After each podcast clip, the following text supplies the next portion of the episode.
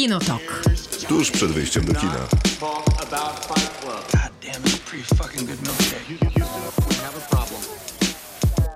Krzysztof Majewski? Miłosława Bożek. Maciej Stasierski. To jeden z najważniejszych programów w roku. Uff, moce słowa. To jeden z najważniejszych programów w roku. ręce. To jeden z najważniejszych programów w Dziękuję roku. za ten ton. Znaczy to w zasadzie już drugi taki program, bo A podsumowanie w zeszłym roku, tamtego roku, Było w zrobiliśmy styczniu. w tym roku.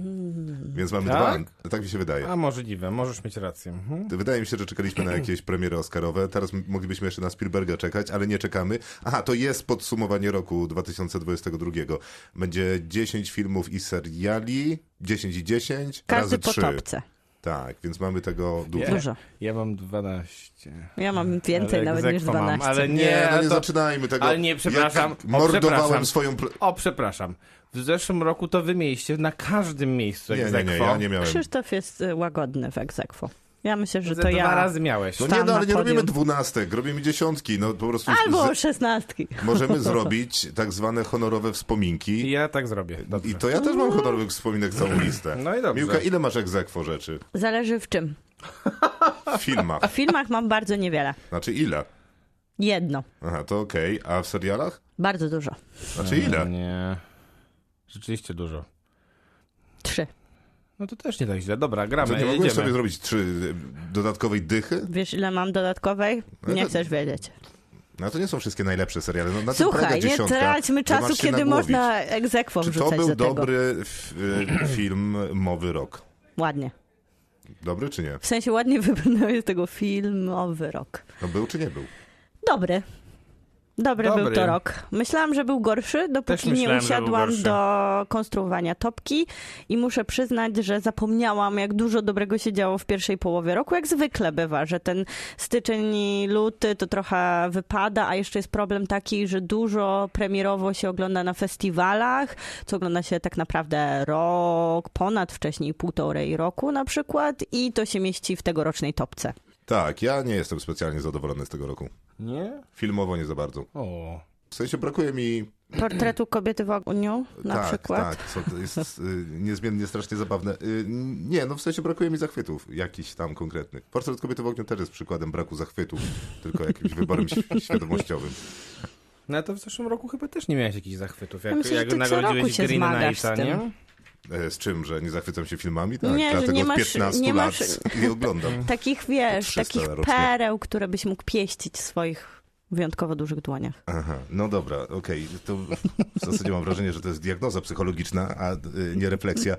Ale nie macie takiego wrażenia, że y, jakoś nie dorobiły się te filmy w tym roku, być może z uwagi na jeszcze te popandemiczne historie, no tego samego rozmachu, który miały jeszcze w latach 19, 18, 17, 16. Znaczy rozmach to chyba mają, tylko że jakby niestety nie idzie za tym historia, jeżeli nawiązujemy oczywiście do Awatara najśwież, najświeższej premiery, ale z drugiej strony no jest Top Gun na przykład, który pewnie na którejś przynajmniej z tych topek się znalazł i on z kolei zebrał bardzo dużą widownię i bardzo był monumentalnym jednak filmem, Mhm. więc... y, Takim bardzo blockbusterowym. No tak, pytanie- to jest jeden film, nie? Pytanie, czy to, że rok jest zapamiętany dzięki temu, że powstała druga część Top Guna, to rzeczywiście nie jest y, pewnego rodzaju refleksja negatywna na temat tego roku. Jest w tym roku coś takiego bardziej z kina niezależnego i z kin studyjnych. Faktycznie, jak się tak na niego popatrzy, przynajmniej jak ja patrzę na moją listę, że jest tutaj sporo sporo takich małych filmów, które by się pewnie też obroniły na małym ekranie i niekoniecznie trzeba by je było oglądać w kinach, więc może to jest jakieś e, pokłosie pandemii, ale mi to pasuje. Ja jestem bardzo zadowolona z tej dziesiątki, a tak naprawdę bardzo dużo musiałam zostawić w tyle filmów, które chciałabym jeszcze do niej wrzucić. No nie wiem, to może mam inny pomysł po prostu na tę dziesiątkę, bo jest trochę tych małych filmów, tylko że ja po prostu małych filmów nie wrzucam do dziesiątki z reguły. Dlaczego? Chociaż, no być może dlatego, że brakowało mi, nie wiem, rozmachu emocjonalnego, treściowego, historii. No, A małe filmy nie, wiesz, nie są Nie ograbione z rozmachu emocjonalnego. No, nie, no nie są, ale te, które obejrzałem były. Moim zdaniem przynajmniej. To co, zaczynamy? Tak. Proszę możesz, możesz zacząć. Nie, to ty możesz zacząć. Y, Od miejsca dziesiątego, tak? Mhm. U mnie na dziesiątym miejscu wylądowało rzutem na taśmę bardzo Nie. fałszywa kronika garści prawd. No to jest problem, ponieważ y, chciałem zmieścić ten film gdzieś, a bo ze wszech miar zasługuje, żeby być na mojej dziesiątce, ale, ale nie wiem, gdzie mamy go zmieścić. Zaraz go wstawię gdzieś jak zakwo. Yy, natomiast yy, mam tam egz aequo jeszcze dwa filmy, tak jak wspominałem na początku. Jeszcze... Nie, nie masz, masz na 11 i 12 miejscu. Na 11 i 12, ale też jednocześnie na 10. y, Film, o którym rozmawialiśmy też w Kinotoku, czyli Punkt Wrzenia. Film, który, który tylko oglądaliśmy na VOD. Naprawdę ciekawa historia o funkcjonowaniu jednodniowym e, bardzo nerwowej dwunastka. restauracji. Tak. I jeszcze Pięć Diabłów, którym się już zachwycałem ostatnio, więc myślę, że nie będę się za bardzo powtarzał. Taki najbardziej filmowy z filmów. I myślę, że do bardzo akurat idealnie pasuje. No, to bardzo na pewno, chociaż chyba wspominki te honorowe miały być na końcu, no ale no, mniejsza z tym. Może To są co, na końcu, bo na dziesiątym. robimy je teraz? Wspominki? Tak, skoro idziemy z Maćkiem, tropem. Możemy. Mi się nie zmieściło nie do dziesiątki i też tego żałowałem. Ale to, jako że to były wybory osobiste, ta dziesiątka, to akurat mnie się nie zmieściło, no ale ze wszechmiar jest to wspaniały film, który nadrobiłem w zeszłym tygodniu. Nie, trzy tygodnie temu. Ja bym zaznaczyła, że nie widzieliśmy jeszcze Glass Onion. Maciek już widział, ale ja nie widziałam pewnie. Fablemanowie nawet. świetnie. Mhm. Ale Którzy ani jednego, z- ani drugiego nie widziałam. Zmieszczą się jeszcze w tej w tegorocznej topce, bo tak naprawdę pojawią się jeszcze w grudniu. Tak, tak, tak. I nie widziałam Inaritu, więc może, może by to odmieniło moje życie. No ten Inaritu był zaskakujący, więc No, jak może dlatego, Słucham że was, tak, to jestem zszokowana. tak mnie zaskoczył, że, że się nie zmieścił, ale totalnie zasługuje na tę dychę. Nie wiem, czy nie będę musiał jej później przemodelować jakoś. Ja bym chciała pozdrowić e, na tyłach Apokawiksę, Krzyk Piątkę, Elvisa, Bell, Pięć Diabłów, Córkę i Kaman Kaman. Wszystkie te filmy lubię, wszystkie doceniam, I o wszystkich mogłabym o nich mówić, ale nie zmieściły się w moim top Mm. 10. A to ja więcej nie mam takich, co się nie zmieściły, bo mam, Ja mam taką listę też długą. bo mam też córkę, mam 11 znaj sąsiada Też swego, nieznośny ciężar wielkiego talentu, który chciałem bardzo upchnąć, no ale po prostu nie Nicolas szło. Cage powinien się wszędzie zmieścić. Tak też mi się wydaje, no, ale No. niestety nie tu. E, Batmana e, z pewnych powodów szaruje.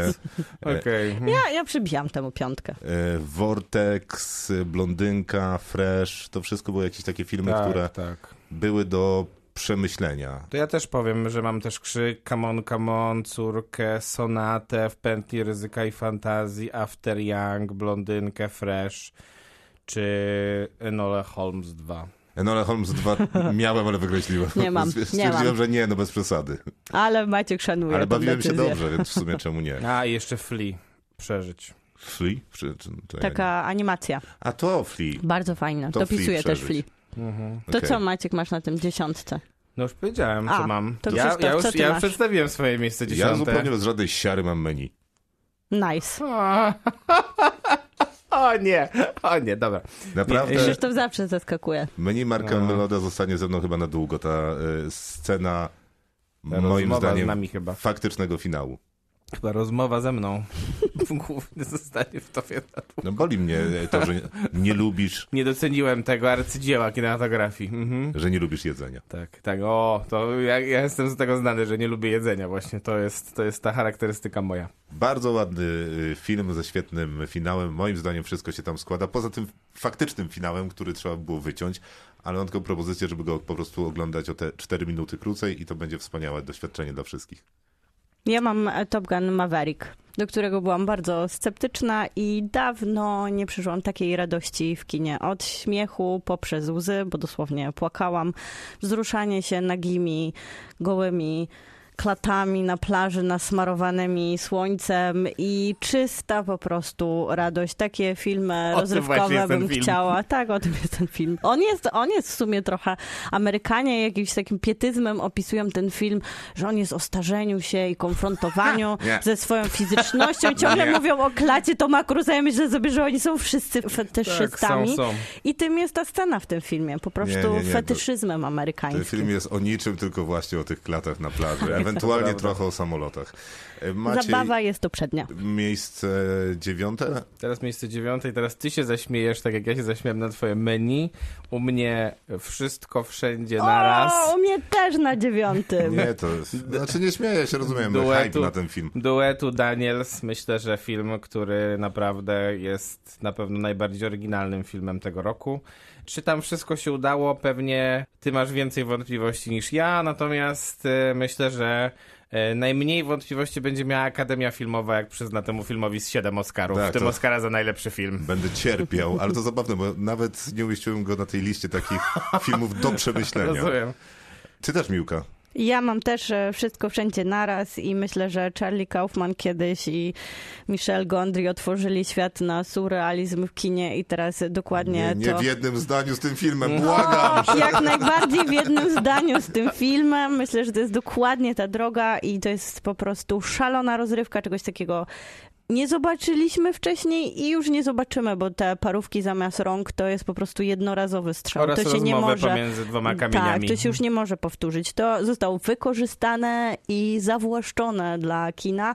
Super zabawa, świetna rozrywka i nie z kuźni gigantów, tylko z zupełnie innego miejsca w końcu pojawia się. A24, No tak, nie, No ale to nie ale jest, wiesz, to niezależny nie jest jednak Marvel. film za... nieznane studio. Ale nie, no No niezależny film za 25 Tym się milionów w sumie. i myślę, że warto o nim Hit. wspomnieć. Ja mam e, strasznie zachowawczą dziewiątkę, bo mam Moon Age Daydream, które dalej ze mną jest. e, David Bowie na playlistach. O, nie widziałam więc też tego. e, To polecam. Tak. Ja nie. zobaczyć, chociaż nie na małym ekranie w sumie. Ja mam wrażenie, że ten film nie ma sensu na małym ekranie z słabym nagłośnieniem. On Nie. potrzebuje dużego ekranu i potrzebuje, żeby tam muzyka ryczała. I w zasadzie w żaden legalny sposób nie da się obejrzeć tego filmu w domu, no chyba, że na słuchawkach, ale wtedy będzie można ogłuchnąć, żeby głośność była odpowiednia i to też nie będzie to doświadczenie. Więc jeżeli ktoś nie lubi Davida Bowie, to myślę, że Moon Age Daydream jest dobrym pomysłem, bo się można przekonać. Chociaż Maciek się chyba nie przekonał. Ale ja nigdy nie mówiłem, że nie lubię Davida A, no to Bowie. właśnie, po no to- prostu, to po jesteś- prostu mnie, mnie ten film znudził, bo ja nic się nie dowiedziałem, więc Jesteś no... w złej grupie. Tak. U mnie na ósmym miejscu Top Gun Maverick i dokładnie te same powody co Miłka. Myślę, że moje mój nastoletni, moje nastoletnie serce bardzo się cieszyło, jak oglądało tych chłopców gra, walczą, grających futbol amerykański na plaży i, wa, i bawiących się w wojnę e, Jakże się samolotami. To jest bawiących. zabawne, że to jest niewiarygodne osiągnięcie światowego kina, to jak latają te samoloty, jak to było kręcone. A jednak I to scena trwa- na się To trwa dwie godziny kontra dwie minuty gości na plaży. Ale jest, no jest przecież y, gify są przede wszystkim z tej plaży, a No, nie z tego jak latają. I i ja na ósmym mam film, który mnie y, w sumie zaskoczył, bo już tak łazi ten film za mną jakiś czas i tak rósł we mnie rósł.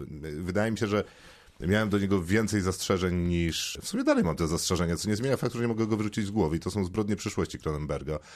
Nawet bardzo się zastanawiałem, czy go wyżej nie przesunąć. Wow, No. coraz lepiej. Ja mam na ósmym After, czy After Young, jak to, które wybierzemy tłumaczenie. Kogonada jest jakoś głęboko w moim sercu po Kolumbusie i wydaje mi się, że to jest najbardziej czuły twórca, który opowiada o science fiction, nie właśnie w takiej skali jak Łowca Androidów, ale w takiej malutkiej, intymnej skali. I on też niesamowicie pieczołowicie operuje obrazem jako eseista. I ten film był ze mną w czasie, kiedy no, w którym straciłam blisko mi przyjaciółkę i moją bunię. I jakoś ten proces odchodzenia w ujęciu, nawet tym technologicznym, był mi strasznie bliski i bardzo czule się do tego filmu odnoszę, a na drugim miejscu egzekwo mamy Red Rocket, który jest kontrowersyjny, ale też bardzo głęboko we mnie utkwił ten film. Z różnych innych przyczyn, mniej zupełnie czułych, chociaż Sean Baker jakoś zachowuje sporo czułości do dosyć obleśnej postaci, o której opowiada. I to też jest świetny reżyser, którego bardzo filmy lubię, bardzo go śledzę i z takich właśnie dwóch zakątków Ameryki twórcy, którzy myślę, że będą z nami na długo i wszystkie filmy, które będą się pojawiały, będziemy pewnie je mocno dyskutować. Na siódmym miejscu u mnie I u nas też. i u was, te, ale nie wiem, czy u was tak, ten Na sam film pewno, pewnie. na pewno. Y, Film Tomasza Chabowskiego, Piosenki o miłości. Mm, Ja... Poczekaj, a gdzie masz Paryż 13 dzielnica w takim razie? Dlaczego nie groź, nie groź. Akurat. Jakoś wizualnie mi się bardzo Gdzieś- kojarzą te filmy. Gdzieś tam, Gdzieś gdzieś tam. się też pewnie znalazł, ale, ale nie na tej dziesiątce akurat w tym roku. Film Tomasza Chabowskiego, z- e, mikrobudżet gdyński zrobiony za nie poniżej miliona złotych, tak? Tak, tak chyba. No, do miliona. Do miliona złotych są te mikrobudżety. Fantastyczna opowieść, bardzo prosta, bardzo prostymi środkami A zrobiona, a jakim jakże, a jakże emocjonalnie prawdziwa i wy, wybrzmiewająca i świetna muzyka.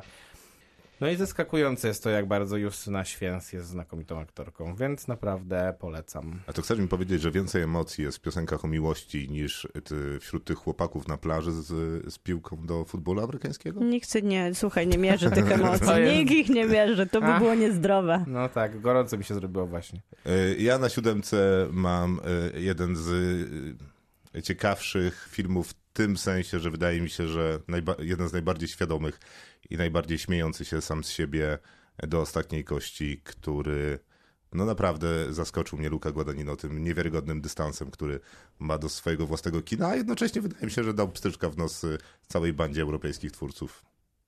Ja na siódmym miejscu mam punkt wrzenia, który u Maćka na dziesiątym. Jest to jakieś dla mnie tutaj połączenie z światem seriali, bo gdzieś będę miała podobny serial w mojej dziesiątce. Klaustrofobiczny, spocony, nieprzyjemny. Tutaj na jednym ujęciu, ale taki miks emocji. I wiadomo, ten film może, można by się przyczepić do jakichś małych potknięć, ale to jest intensywne Po co się doświadczenie. czepiać? No to ten Po finał jest się? wątpliwy być no może. tak, ale nawet, No, nawet wszystko jak inne jest bardzo dobre. zapomnieć ten finał, to to jest bardzo kompletne doświadczenie. Ja się czułam, jakbym była w tej kuchni, w tej parze, która bucha z gotowanych garów i w tych emocjach, które zwykle są pokazywane w taki przestetyzowany sposób, zawsze w takich sterylnych, białych kitlach, a tutaj mamy życie w filmie. Super kino. Można zobaczyć też, jak Maciek kiedyś opowiadał w e, programie, krótki metraż, który zaczął tą przygodę, ale uważam, że dużo kompletnie jest po prostu zobaczyć w całości Tak punkt jest. wrzenia. Ja u mnie na dziesiątym, a na szóstym miejscu. Mnie, jako że ja jestem osobą, która wspiera polską kinematografię dosyć szczerą, szczerym uczuciem też, to u mnie na szóstym miejscu inni ludzie Aleksandry Terpińskiej, czyli zupełnie inna muzyka, zupełnie inna stylówka niż w piosenkach o miłości, a jakże jednak e, wciąż tak samo mocne uderzenie emocjonalne. Mm, Tym razem Terpińska w swoim debiucie fabularnym bierze, bierze na rozkład e, tekst e, Doroty Masłowskiej. Robi, robi naprawdę z tego świetny musical hip-hopowy z fantastycznym aktorstwem, z tempem, z tymi, tak jak powiedziałem, emocjami, które wypływają z tych blokowisk warszawskich. Dla mnie tam wszystko się zgadzało, a było to bardzo ryzykowne, bo, bo wymagało bardzo, bardzo dużej dyscypliny na planie, żeby, żeby zrobić aż taki film, więc e, inni ludzie na szóstym. Rzut też życia lubię. na szóstym. Co Rzut takiego? życia? Rzut życia. Recenzowaliśmy Rzut ten film. życia. To jest y, film o koszykówce, wydaje mi się, że jeden z najlepszych filmów Film z sportu. Adamem Sandlerem. Tak, on jest A, trenerem O, sam. wspaniały film. Prawda. Tak jest. Adam Sandler myślę, że I Jedna to z chyba najlepszych jego Netflixowy, ról. tak? Y, Ta, y, jeszcze nie wiem, na które pytanie odpowiadać. Nie Netflixowy, słyszałem pla- z platformy, Aha, y, nie tak. kinowy. Netflixowy, jedyny w ogóle platformowy film, który mam na liście, co mnie zaskoczyło, bo być może to jest dowodem na to, że kina mają się dobrze, bo jednak te najlepsze filmy dalej są tam, ale Rzut Życia jest naprawdę świetnym filmem sportowym. Od coacha Cartera nie widziałem też takiego dobrego filmu o koszykówce, biorąc pod uwagę, że faktycznie cały świat koszykarski, no może nie cały, ale duża część świata koszykarskiego się zaangażowała w ten film, a też Adam Sandler jest zapalonym koszykarzem i faktycznie potrafi w tę koszykówkę grać, ma naprawdę niezłą trójkę. No i biorąc pod uwagę, że zawodnikiem, który wcielił się w główną rolę jest zawodowiec NBA, to ta koszykówka, co się rzadko niestety w filmach zdarza, wyglądała jakby ludzie grali w koszykówkę i po prostu świetnie się ogląda. nie E, w kosmicznym meczu. No, nie w kosmicznym e, meczu. Ogląda się świetnie ten sport na niestety małym ekranie, bo myślę, że na dużym też by było ekstra. Na szóstce mam Zbrodnie przyszłości. David Cronenberg powraca po tylu latach i myślę, że to jest pokłon do fanostwa, a ja kocham Existence i Crash i to jest zaproszenie do tego dziwacznego świata transformacji fizycznej, takiego, który stworzył, no nie bez przyczyny z Cronenberga, twórcę kultowego i wszystko się tu zgadza. Od tej performatywności, wyśmiania sztuki, od kreacji aktorskich, po właśnie tą pieczątkę Cronenbergowską, ten jego świat, do którego on tak zaprasza i trochę nie chcemy za nim iść, bo wiemy, że tam się będą działy złe rzeczy i dziwne rzeczy, a później one się tak jakoś mocno wchodzą pod skórę. Nawet ty, Krzysztof, widzę, że jednak zostało to piętno na tobie Cronenbergowskie. Y, Piętno tak, tylko to y, mnie najbardziej w tym Cronenbergu nie podoba się Cronenberg, natomiast najbardziej mi się podoba... y, Piętno ci się najbardziej podoba. Nie piętno, najbardziej podoba mi się e, obśmianie tej obśmianie sztuki, ale to jest dosyć Mm. ciekawe, bo to jest takie obśmianie, ale nie do końca, bo to jest śmiech przez łzy jednak,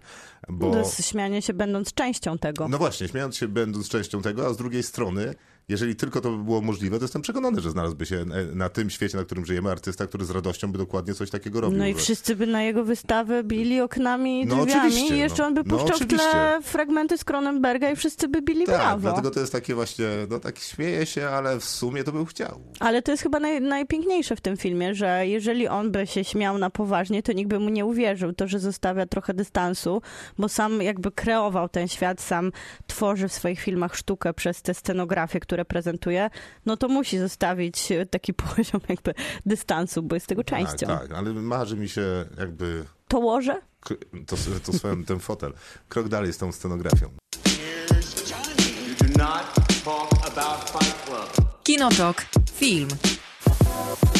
Mam piąty, pią... na piątym miejscu mam film, Podejrzewam, że który... masz też pozostałe Mam miejsca. też czwarte, trzecie, drugie i pierwsze, ale piąte to jest film, który nas jednak trochę poróżnił, bo ja poczułem się bardzo wsiąknięty w tę sytuację, która została tam przedstawiona. To jest niemiecki kandydat do Oscara na zachodzie bez zmian, e, film Netflixa który po, raz, po pierwsze fantastycznie adaptuje książkę Ricka Marii Remarka, a po drugie wydaje mi się, że nadaje tej, tej książce i tej historii dodatkowy kontekst, a poza tym no, jest zrobiony w sposób niezwykle imponujący wizualnie i dla mnie to było przeżycie nie tylko wizualne, ale też emocjonalne i dlatego ten film tak wysoko umieszczam. Zwierzęta dobrze kradli, tyle y, z tego filmu ze mną zostanie.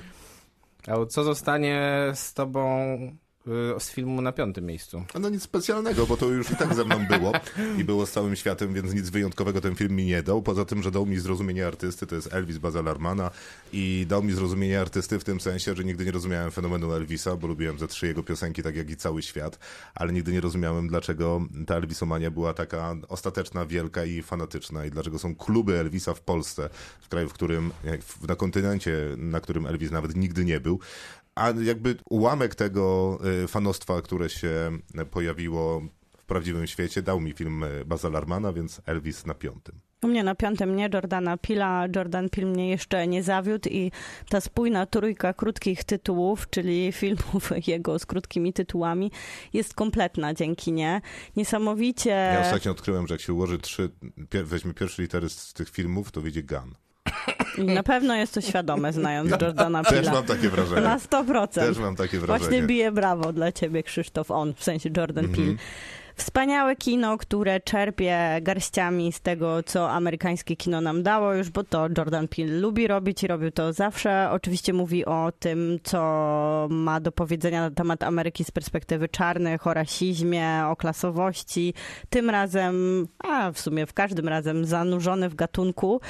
I ten żart z westernu, wspan- wspaniałe role Kiki Palmer i Daniela Kalui, ten kreacyjny świat, który przez dwie godziny trzyma nas w napięciu, nie wiemy tak naprawdę o co chodzi i chociaż wszyscy wiedzieliśmy, że to są kosmici, to ten element jakiegoś takiego dziwnego kontrastu zwierzę- ze zwierzętami, komentarza też do świata zwierzęcego jest niesamowity. No, myślę, że każdy, kto widział, nie zapomni sceny z gorylem i on często mówił o tym, że on chce tak trochę przefiltrować tą amerykańską spektakularną rozrywkę, wziąć z tego takie trochę tony w tle i zostawić to, co on uważa za najlepsze.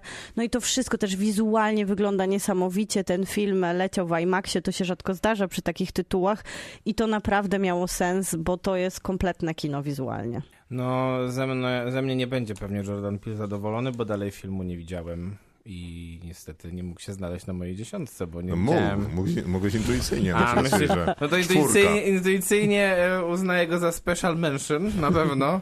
Natomiast na czwartym miejscu u mnie Ryosuke Hamaguchi, film Drive My Car. O, sorry, sorry. Mam nadzieję, że Miłka gdzieś też go ma. Nie, mam go, oczywiście go wyżej.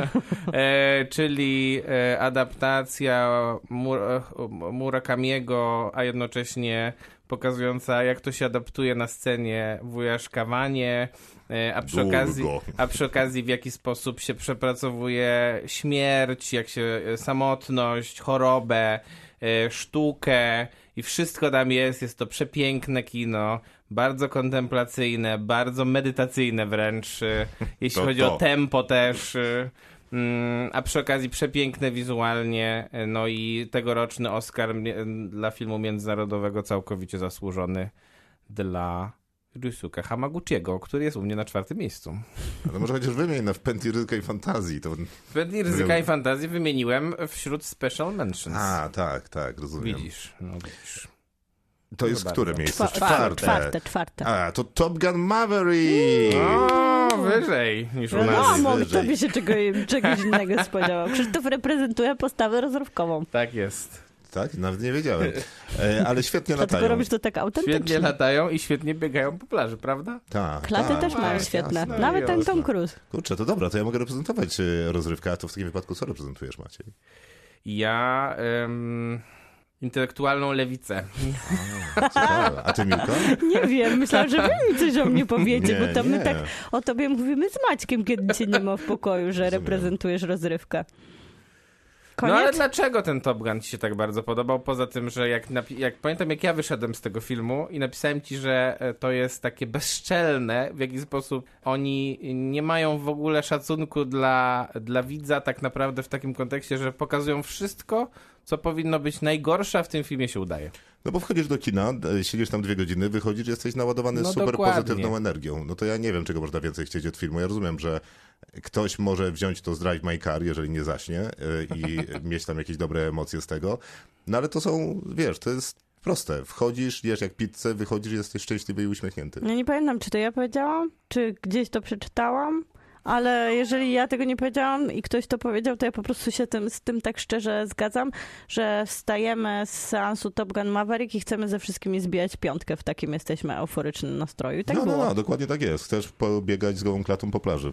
To nie dla wszystkich jest wykonalne jak uderzenie piątki. A, nie Miłka. wszyscy mają takiego klaty. Oddajmy Co u szacunek ciebie na chłopakom. trzecim? Czwarte jest jeszcze. Czwartym, bo... U mnie na czwartym Titan, Julia do Kurnału i to jest trudne, bo podobnie jak Drive My Car, to są filmy, które O widzieliśmy samochodach.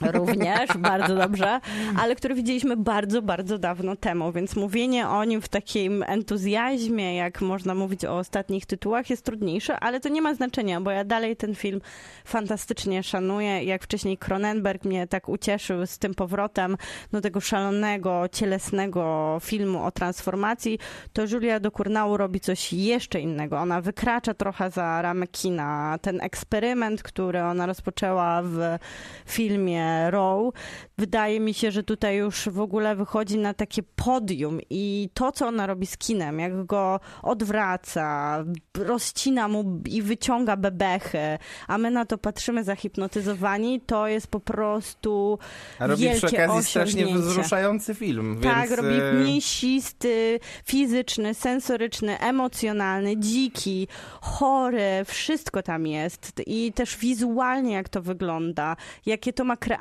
w tej dzikości i zupełnym jakby wydawałoby się skomplikowanej fabule, a później tak prostej emocjonalnie, która tak wygrywa w jakże kompletnym finale. Julia do Kurnału myślę, że będzie z nami za na wiele lat i wszystko to będzie tworzyć.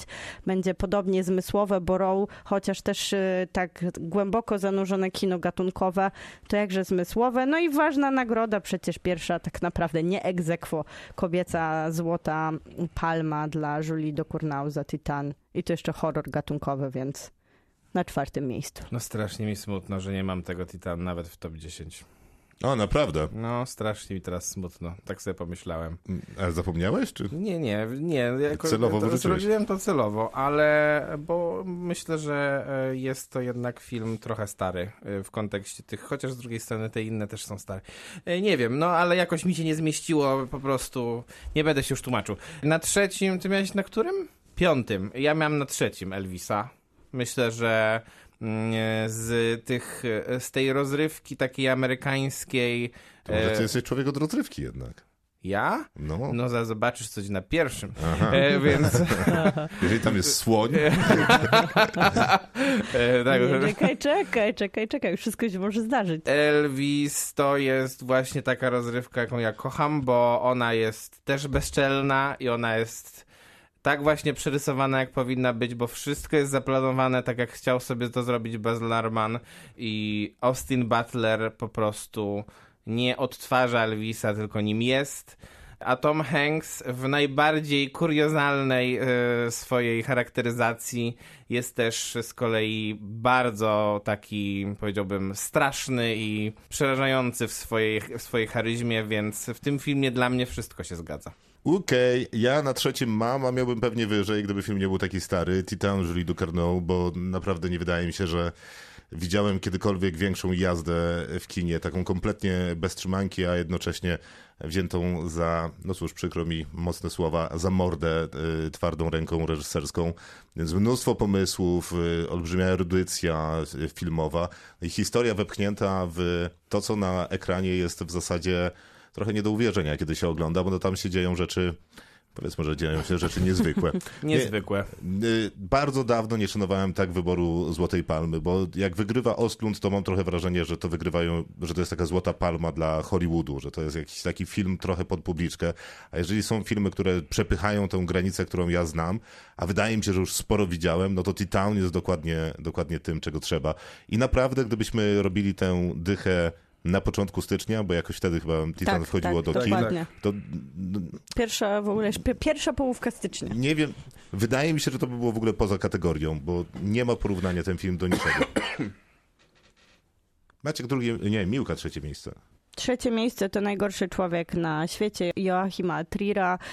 Film, który wpisuje się w nurt moich ulubionych filmów, czyli filmów romantycznych, ale jaki to jest romans? Ja bym takie romanse chciała zawsze oglądać i w sumie to jest tak naprawdę nie chodzi tu o romans, jak zakochanie się w głównej bohaterce, bo wydaje mi się, że Trier ma najwięcej miłości do kobiety, o której opowiada i chociaż ona popełnia błędy, stąd ten tytuł, i chociaż ona jest taka chaotyczna, i chociaż to wszystko, co robi, mogłoby sprawiać, że odtrąca nas od obrazu, to my jesteśmy uwiedzeni, jesteśmy zakochani, a przy okazji ona jest taka autentyczna. Ile osób znamy, które się miotają na tej drodze życiowej pomiędzy wyborami serca a drogą do spełnienia. I wydaje mi się, że w końcu to nie są obrazki z Ameryki, gdzie wszyscy są albo idealni, albo mają za dużo traum i za dużo problemów i na wszystko ratunkiem. Jest po prostu zawarcie związku małżeńskiego albo przynajmniej odnalezienie odpowiedniej pary, a tutaj mamy skupienie się na bohaterce, na trochę odnalezieniu miłości do siebie i do niej i wszystko to jest opowiedziane w takich bardzo świetnie podanych rozdziałach. No i jest niesamowicie elektryzująca rola główna, po prostu to jak się patrzy na tą bohaterkę, a zarazem na aktorkę. To jest doświadczenie właśnie pierwszego zakochania, kiedy chcemy czerpać to, jak układają się włosy na jej twarzy, jaką ma skórę i zastanawiamy się, jak ta kobieta pachnie. Takich romantycznych filmów chciałabym więcej. I właśnie dokładnie z tych samych powodów, co Miłka przed chwilą powiedziała, dzięki, że mi to dzięki, że mi pomogłaś, y, u mnie najgorszy człowiek na świecie na miejscu numer dwa. Joachim Trier aż y, w sposób aż przerażająco y, trafny pokazał nasze pokolenie i pokazał pokolenie 30-latków, które nie jest pokazane tutaj z najlepszej strony, ale z drugiej strony wydaje mi się, że jest pokazane paradoksalnie w sposób szalenie realistyczny i bardzo taki emocjonalnie prawdziwy. Z odrobinką irytacji jednak, kiedy osoba pracująca w księgarni ma Oczywiście. 100-metrowe mieszkanie. Oczy, e, ta, tak samo jak e, osoba pracująca w, e, w kawiarni też może takie mieszkanie Naj- wynajmować. Najwyższa pora się przeprowadzić. No i Renate Reinswe, Mm, o której dokładnie. wspomniałaś Miłka, jest, no jest niesamowita. Jest Niesamowita. naprawdę niebywała i po prostu zjada się ją w całości, a ona zjada ekran. Drugie miejsce? Drugie. Yy, 3000 lat tęsknoty. George Miller w swojej odsłonie e, znacznie spokojniejszej niż to zwykle ma, kiedy tankuje samochody w świecie, w którym brakuje wody i benzyny też. I krzyczy i gra rock'n'rolla, tym razem opowiada e, najcieplejszą, najprawdziwszą, najwspanialszą opowieść z Tysiąca i Jednej Nocy, jaką można opowiedzieć, a opowiada ją Tildzie Swinton, więc naprawdę niewiele trzeba, żeby to się udało. Absolutnie zachwyciła mnie bajkowość tego filmu, a jednocześnie też e, prawda w odpowiedzi na pytanie, czego najbardziej na świecie chcą kobiety, kiedy zadaje to pytanie Jean i udziela jej odpowiedzi na ucho, a George Miller całym filmem stara się udzielić tej odpowiedzi, to e, e, to Idris na Elba, to też łopatki. nie jest źle. No tak, to prawda, tylko że ty dosyć często jest trochę za duży. To prawda, a pamiętam naszą rozmowę o tym filmie, jak mi przekonałeś do niego naprawdę mocno. A, no to się cieszę. Dorzuć do wspominek swoich. Wspominek, oczywiście dorzucam. Ja na drugim mam Drive My Car Reisuke Hamaguchi, to jego rok, bo oczywiście też, tak jak Krzysztof wspomniałeś, warto wymienić w pętli ryzyka i fantazji. Ja Bo tam jest ogóle... jedna nowelka, która mi się podoba, więc ja się Mi tego się trzymam. wszystkie jak podobają, ale pamiętam, którą, którą lubisz. A która ci się No podoba? pierwsza. Wszystkie filmy w mojej trójce są w sumie skupione na miłości i uważam, że Drive My Car jest dokładnie też na tym skupiony. Na pięknej opowieści o miłości, odchodzeniu, o stracie, ale niesamowicie wzruszający melodramat Reisuke Hamaguchi, jak nikt inny potrafi opowiadać melodramatem, gatunkiem ostatnio zapomnianym i często trochę poniżanym przez widzów i twórców, a Hamaguchi potrafi naprawdę i w Pętli Fantazji i Ryzyka, i w Drive My Car, i we wszystkich wcześniejszych swoich filmach niesamowicie opowiadać o emocjach, o utracie tych emocji, o takim romantyzmie trochę wyciągniętym z anime, a później przerobionym na taki spektakularny, epicką opowieść. No i nikt też tak nie opowiada o procesie twórczym, o fizyczności, o cielesności. On wręcz takim okiem dokumentalisty śledzi proces powstawania teatru i dla mnie to nawet przez sekundę nie było nudne. Dla mnie to było takie podglądające, takie bardzo sensoryczne, niesamowicie fizyczne. Ja do dziś też pamiętam tę scenę przemieszczania się, bycia w ruchu w czerwonym sabie, słuchania głosu utraconej miłości. Niesamowicie mnie to aż fizycznie bolało razem z bohaterem, jak można Ja.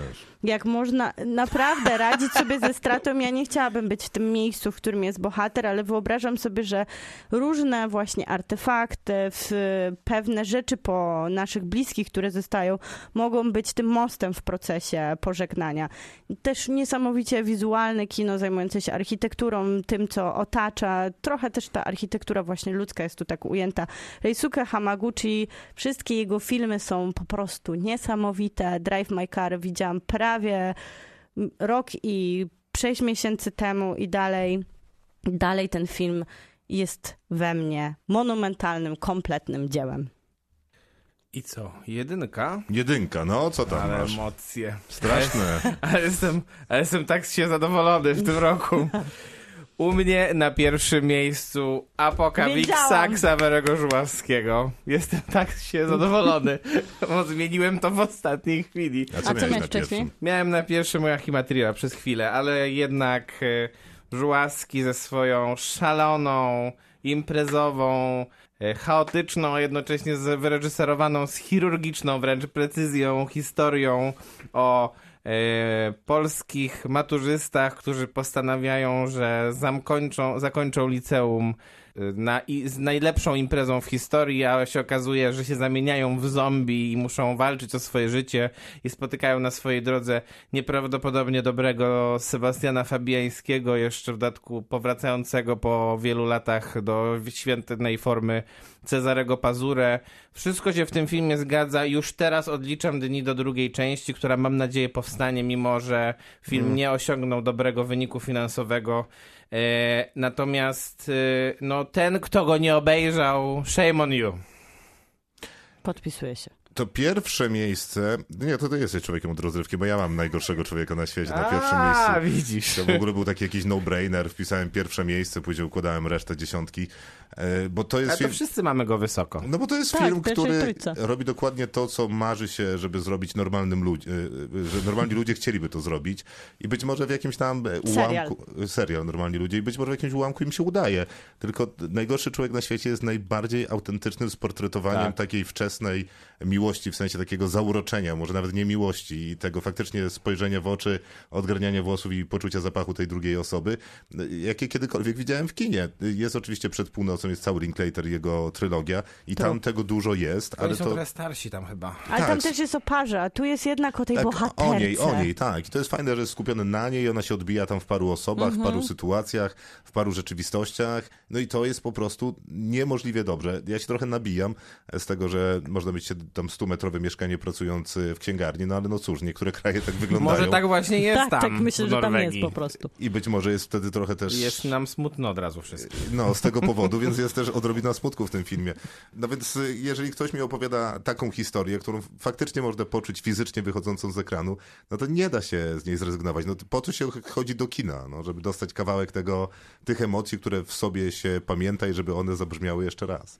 A to niewielu filmom się udaje, mam wrażenie, że to musi być najlepszy film danego roku. No ale jak to raz na rok się uda, to też jest dobrze. To jak e, dedykowana jest jeden, jak moja cała trójka jest dedykowana miłości, to oczywiście na pierwszym miejscu jest do ostatniej kości. Wow! Luki Guadagnino. Wow, na pierwszym. Jest, to, brawo! Nawet Jest to po prostu Ja też. Mimo, że, mimo, że nawet nie mam special mention. Jeżeli... czemu nie masz? No właśnie nie wiem. Okej, Maciek okej. teraz jest taki pokonany przez Ale nie mam, nie Ty, mam. Po pierwsze, po pierwsze wygrałem jednak Apokawiksą, więc nie, Dobra, be, nie ma rywalizacji Dobra. żadnej. Słuchajcie, kocham zmierzch, to jest arthouse'owy zmierzch. Luca Guadagnino jest super świadomy tego, że jest to arthouse'owy zmierzch i czerpie garściami z popkultury, z horroru, nastoletniego romansu. Jest to po prostu dla mnie gatunkowa opowieść ze świata wampirów, wilkołaków i nagle mamy nowy gatunek w tym świecie. W tym świecie fantazji, w tym świecie, który ja kocham oglądać. Jest to gatunek kanibali, to jest osobny, osobny jak, jak wam, wampirzy gatunek, osobna po prostu klasa, nawet nie ludzi, a właśnie kanibali. I oni, podobnie jak my, homo sapiens, chcieliby po prostu zostać zrozumiani i pokochani, tak jak często właśnie te wampirze, wilkołackie opowieści, takie kliszowe, gatunkowe robią.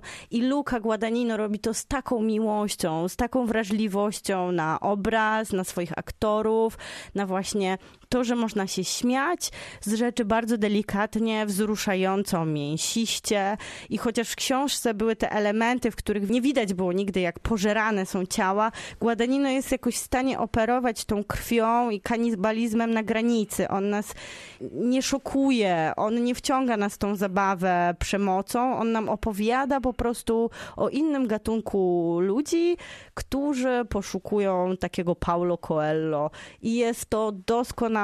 Każda rola tam jest spełniona, a ten zły, który powstał w tej opowieści, jest, jest jednym z spełniony. najlepszych złych, jakie w kinie gatunkowym spotkałam i jego warkocz będzie artefaktem prześladującym mnie prawdopodobnie zawsze. No i co? Wszyscy, ja jestem bardzo Aż zadowolony go z naszych zjesz. dziesiątek. Aż go z- Mam nadzieję, że nie on mnie. Metaforycznie oczywiście. Nie, no może to nie jest taka zła dziesiątka. W sumie jak się trochę o nich porozmawia i powspomina lepiej te filmy, co? to jest mi trochę lepiej, że, że nie jest źle z tym kinem. Ale trochę jest tak, jak mówiłeś, mniej takiej dużej rozrywki, więcej moim zdaniem takiego kina. Dlatego trzeba było zakończyć A taką 24. petardą jak ja. Dobra, czas to czas. Seriale za moment.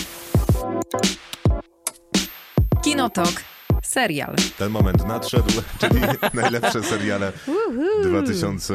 No i słuchajcie, czy seriale w 22 tym roku. roku uważacie za udane? Tak, a nie, no absolutnie. Ja też. Z wielu powodów. y, Z wielu powodów takich, że zarówno rozrywkowo, zarówno jeżeli chodzi o wielkie franczyzy, które przepina- przesuwały punkty nacisku, jeżeli chodzi o mniejsze produkcje, polskie produkcje, jeżeli chodzi o fenomen w historii seriali, czyli udane adaptacje gier. No więc y, nie, seriale w tym roku mam wrażenie, że mają się najlepiej od kiedy oglądam my seriale jakościowe. I nie dlatego, że pojawiły się najdroższe w historii telewizji produkcje, bo to, jak się okazuje, No nic to nie akurat- zmieniło, to akurat jest nic nie wnio- poza naszymi wniosło i nawet pewnie. nie doczekało się własnych memów, ani No. jakiegokolwiek echa w internecie, co pokazuje, że pieniądze nie tworzą produkcji. Wybiły się na naprawdę prowadzenie platformy, które wcześniej wydawały się takie raczej nieśmiałe, albo produkowały tylko pod siebie i tutaj oczywiście mam na myśli Apple TV, które pewnie się pojawi w jakichś e, waszych zestawieniach, które w zeszłym roku i zawsze marudziliśmy trochę na nie. Pojawił się Disney, więc mamy w ogóle przesyt takiego rozrywkowego kontentu na platformach. No jak zwykle mamy też tych starych wyjadaczy HBO. jak HBO, które zawsze donosi jakościowe produkcje. No i wróciliśmy w sumie do uniwersum gry o tron, co wydawało się, że niemożliwe, by kontynuować tą epicką opowieść, a 2022 mówi, że wszystko jest możliwe. To ja tylko wspomnę, co mam poza dziesiątką. Mogę? Możesz, bo ja Tak, też to planuję ja też. zrobić. Sandman, WandaVision, Peripheral, Mandaloriana, którego nie chciałem jednak umieszczać w dziesiątce, mimo że takie sobie przyjęliśmy chyba zasady, że można byłoby teoretycznie to Można, bo zrobić. polską premierę miał w tym roku, ja też nie Eee. mam Mandaloriana z tych samych powodów. Heartstopper, czyli serial Netflixa i jeszcze dwa seriale, które się pojawiły na Disney+, Plus, które ja sobie obejrzałem i zaskoczyłem się, zaskoczyło mnie to, jak bardzo mi się spodobały. Jeden się nazywa Abbott Elementary Missy, a Mhm. podstawówka, taka, taki sitcom kręcony trochę na zasadzie dokumentu, a drugi się Bardzo nazywa doceniany teraz. Zbrodnie po sąsiedzku, taka dziaderska komedia ze Steve'em Martinem.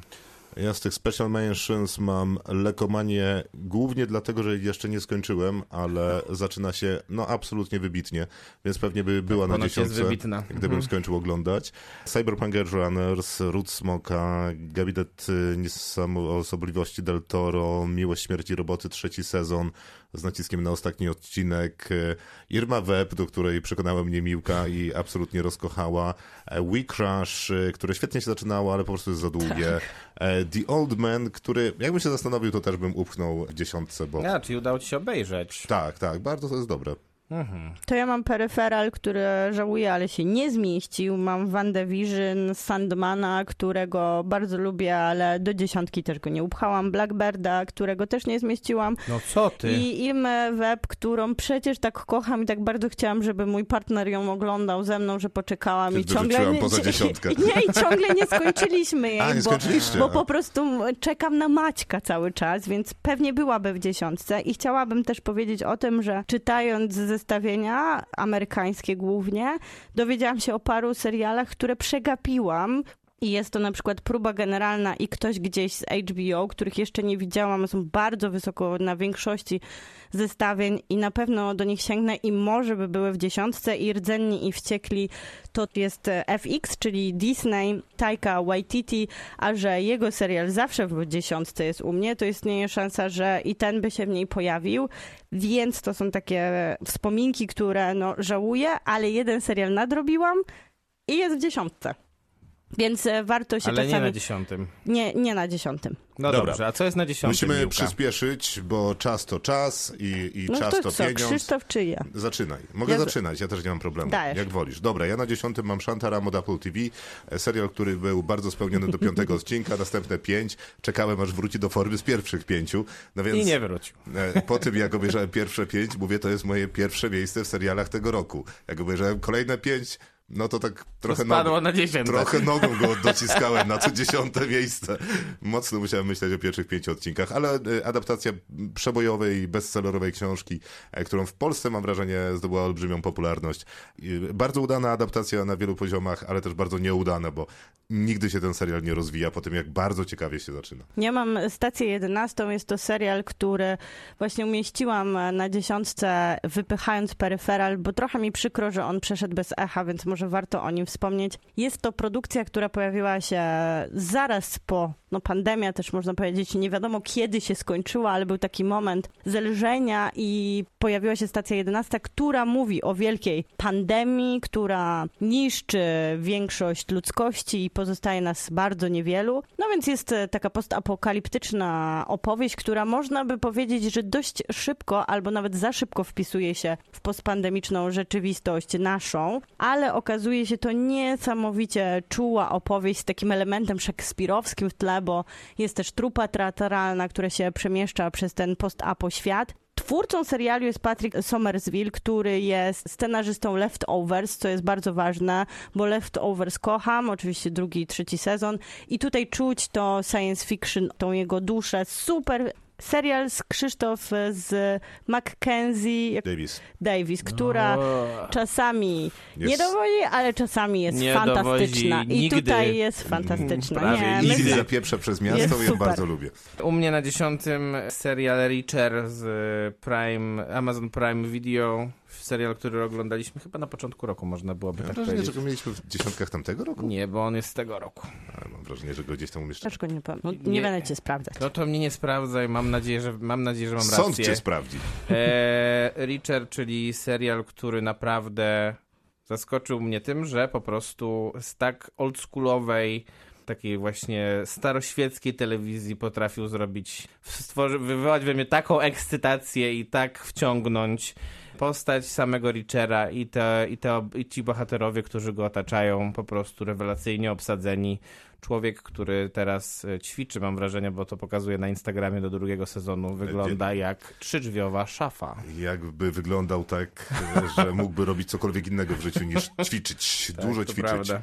Na dziewiątym miejscu mam Sandmana. Długo Netflixowi nie wychodziło adaptowanie najróżniejszych pozycji i to było bardzo irytujące. No chociażby zrobili to z naszym Wiedźminem, że oni bardzo dużo chcą, bardzo dużo mówią, bardzo dużo obiecują i nigdy nie dowożą. I wydaje mi się, że Sandman nie jest idealnym serialem, ale jest adaptacją naprawdę kultowej pozycji. No i Neil Gaiman też zasługuje, żeby wreszcie coś mu zadaptować na poziomie, no bo robiono mu serialowo chociażby amerykańskich bogów, no i to wołało Ale Polskę do nigdzie nieba. bądź sobie sam robił z BBC i fajnie wyszło. No, ja nie lubię tego e, BBC nigdzie, bądź to miało być następne moje zdanie. Lubię Stardust bardzo, to robiło BBC, ale radio e, w postaci słuchowiska, to jest przepiękne, wydawane na Sandman święta. też jest fantastyczny w postaci To słuchowiska. prawda, chociaż ten Stardust wydaje mi się, no jest idealny akurat do słuchania. E, To była świąteczne ich wydanie chyba dwa czy trzy lata, nie, to przed pandemią. To trzy lata temu, a może nawet cztery w sumie z tą pandemią, to się ciężko liczy te lata do tyłu. No i ten Sandman, tak jak mówię, no nie jest idealny, o czym wszyscy chyba dobrze wiemy, bo faktycznie niektóre rzeczy mogłyby chociażby wyglądać lepiej, mogliby mu dosypać pieniędzy, ale podobało mi się to, jak jest opowiadana historia. Główny bohater jest fajny, sama historia Bardzo jest fajny. bardzo ciekawa, bardzo przyjemnie zaskoczyli mnie z tym bonusowym takim odcinkiem wypuszczonym tydzień Tak. czy dwa później. To jakby podgrzało we mnie jeszcze tę emocję dosyć pozytywną e, i, i, i, i mimo, że do niektóre odcinki faktycznie są do poprawy, no to już Lucyfer jest naprawdę świetny. To ja mam egzekwo. Euforię, o której rzadko się pamięta, że to tegoroczna produkcja i bardzo było... Myślałem, Właśnie. że, myślałem, że będziesz miała ją na pierwszym miejscu. Jestem Nie, zaskoczony. mam ją na dziewiątym miejscu, bo dużo się zmieniło przez coś- rok. Muszę coś wyrzucić po drodze szybko, bo zapomniałem tej I euforii. fantastyczny drugi sezon, który no myślę, że jest w internecie na tyle zapisany na klatkach memów, na klatkach ujęć, na twarzach nastolatków, którzy teraz stworzyli własną euforię w rzeczywistości. To był tym razem nie tylko Zendai dedykowany sezon, ale też Sydney Sweeney, która biegała w załamaniu nerwowym gdzieś na krańcu ekranu, półnaga, aż do wielkiego finału, który był w sumie takim metakomentarzem teatralnym na scenie, gdzie te hiperemocje nastoletnie już po prostu wychodziły z ekranu. Niesamowicie intensywny serial. Tym razem już e, Sam Levinson wyszedł poza siebie i zaczął wkładać w to takie artystyczne kadry i to wszystko już było tak przestylizowane, tak przyjaskrawione, tak za bardzo, że mnie po prostu z miłości aż serce bolało. Fantastyczny drugi sezon, to niełatwe, żeby przebić też tak wcześniej już przez internet zagarniętą produkcję. Egzekwo Yellow Jackets, czyli też serial, który przeszedł bez echa, może dlatego, że pojawił się bardzo długo po premierze amerykańskiej na Kanal Plus. Jest to serial opowiadający o cheerleaderkach, które mają wypadek i są w środku lasu i zaczynają się zjadać i po latach te dziewczyny, które przeżyły, a tak się składa, że jest to na przykład Christina Ricci, Juliette Lewis, no muszą dojść do jakiejś tajemnicy, która jest związana z tym, że zjadły swoje koleżanki. Wszystko się tu zgadza, bo jest teen drama, jest krew, jest kanibalizm, są świetne aktorki, taki miks rozrywkowy, a przy okazji trochę przechodzi ponad telewizję, bo to bardzo telewizyjny format. Maciej. U mnie też jest krew w, Mhm. na dziewiątym miejscu, ale w zupełnie innej formie, bo w formie animacji. Serial się nazywa Legenda Vox Machiny i jest serialem, który został stworzony też przez też na Pr- Prime Video.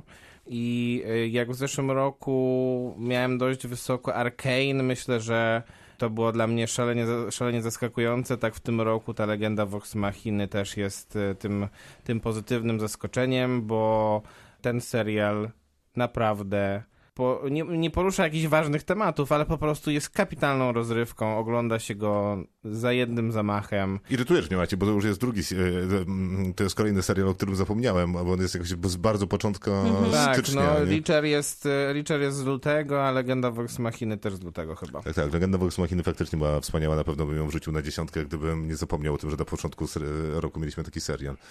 No ale cóż, No cóż, No ósemka cóż. u ciebie. Tokyo Vice. To jest kolejny, Uuu. to jest kolejny serial z serii Shantara. Który w pierwszych y, odcinkach obiecuje naprawdę absolutnie wszystko, a Tokyo Vice obiecuje no absolutnie wszystko. Nie dość, że to Michael Mann robi ten pierwszy serial, nie dość, że czuwa, y, odcinek, nie dość, że czuwa nad całą produkcją y, serialu, nie dość, że ten serial jest naprawdę świetny, jakby opowiadając o tej Japonii ksenofobicznej, rasistowskiej, klasistowskiej, w ogóle na wszelkich rodzajach złej, ale jednocześnie nadal fascynującej. Ta infiltracja Jakuzy jest naprawdę ciekawa przez pierwszego gaijina, który e, pracuje dla japońskiej gazety. No wszystko się tam zgadza. No tylko, że tak w połowie tego serialu przestaje się zgadzać, zaczyna się robić jakoś niechlujnie scenariuszowo, nie wiadomo dokąd to zmierza e, i trochę się ten efekt z początku wypłaszcza. Ale jest Ken Watanabe. No jest Ken Watanabe, ale... No, ale nie mówię, bo, ta, bo his- mam tę serię. historia z nim się też wypłaszcza. No i to jest niestety jakiś mój duży problem. Natomiast to y, absolutnie zakochały mnie te pierwsze trzy odcinki w Tokyo Vice, dlatego na ósmym musiał być. What We Do in the Shadows to jest hit na każdym, na każdym jesteś. zestawieniu. Co roku jest ten serial. I jest to też niesamowite, jak to jest możliwe, żeby sitcom, i który miał też, bo to franczyza taka długa, że wcześniej filmy, później jeszcze pojawiła się seria komiksów i dopiero serial, jak można opowiadać w kółko tą samą historię i dowozić. I można, to jest po prostu niesamowite. Tutaj po trzecim sezonie, kiedy nasi bohaterowie dokumentalni, czyli rodzina taka przeszywana wampirów się rozeszli, wracają, mają niesamowite transformacje, na przykład Laszlo musi się zajmować małym Colinem, który wcześniej umarł, a później się odrodził, jest trochę dzieckiem i wampir ma moment na ojcostwo. I wydaje mi się, że to jest coś niesamowitego realizować komediową produkcję przez cztery sezony o tym samym, która zawsze bawi, która zawsze cieszy, wzrusza i każdy odcinek jest lepszy.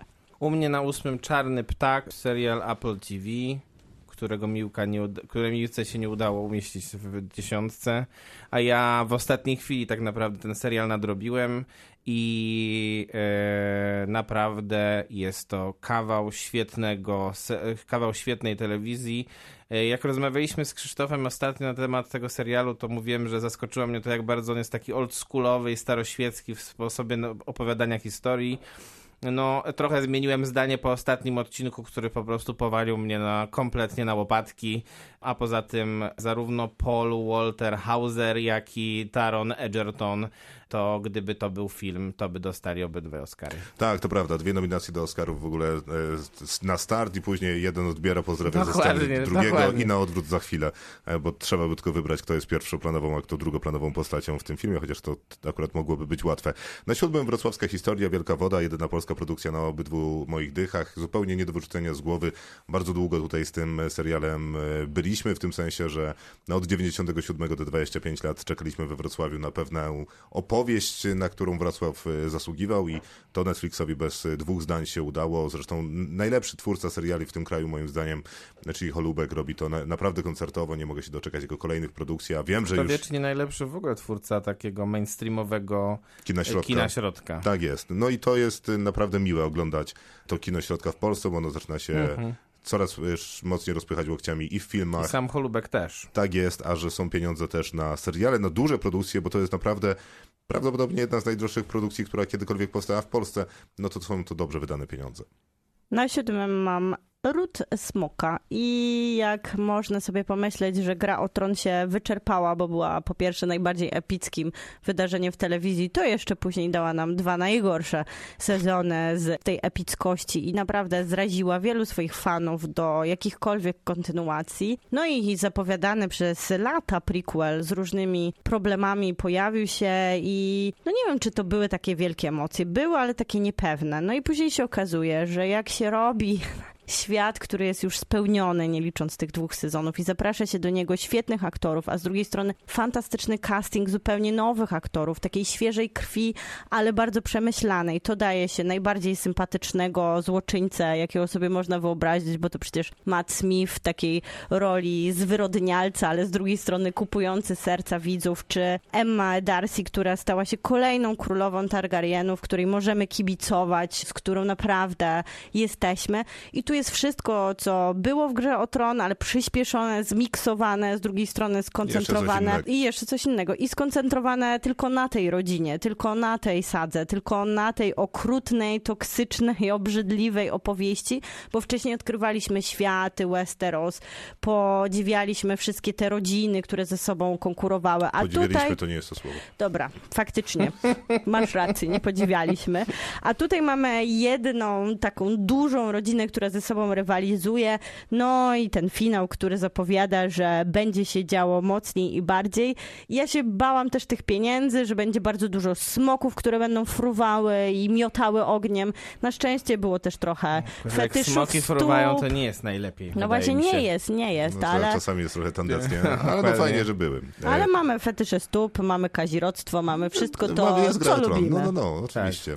Ja też ten serial mam, ale w innym miejscu, natomiast na siódmym serial, który po polsku się chyba nazywa inaczej. Po polsku się nazywa Lakers Dynastia Zwycięzców, po angielsku Winning Time, czyli opowieść o drużynie Lakersów, która pewnym sensie powstaje trochę z grobu, bo po raz pierwszy od dawna staje się rzeczywiście drużyną, która ma szansę na mistrzostwo NBA, a to wszystko dlatego, że udało jej się zgarnąć w drafcie Magica Johnsona. No, ale też ma świetnego I też ma właściciela. niesamowitego właściciela i bardzo charyzmatycznego trenera, który, z którym różne rzeczy się dzieją po drodze.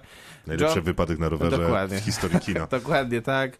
John C. Reilly, który gra właściciela em, Lakersów, jest tutaj po prostu jedną wielką, kosmiczną, aktorską szarżą, którą kupuje absolutnie w całości. Aktor, który gra Magica Johnsona jest absolutnie identyczny. Więc e, w tym zakresie to wszystko się zgadza. Jeszcze do- dodajmy do tego, że za serialem stoi Adam McKay. To myślę, że porażki nie mogło być. Tak, ten vibe Los Angeles lat 70. po prostu wciąga się jednym nosem. To jak oni też wymyślają ten klub dla kibiców, dla Tak, tak. VIP-ów i e, cały, cały ten biznesowe zaplecze Lakersów to jest chyba to, co mnie najbardziej cieszyło w tym serialu, dlatego mam go na miejscu szóstym, a z całą resztą, co powiedziałeś, się oczywiście zgadzam.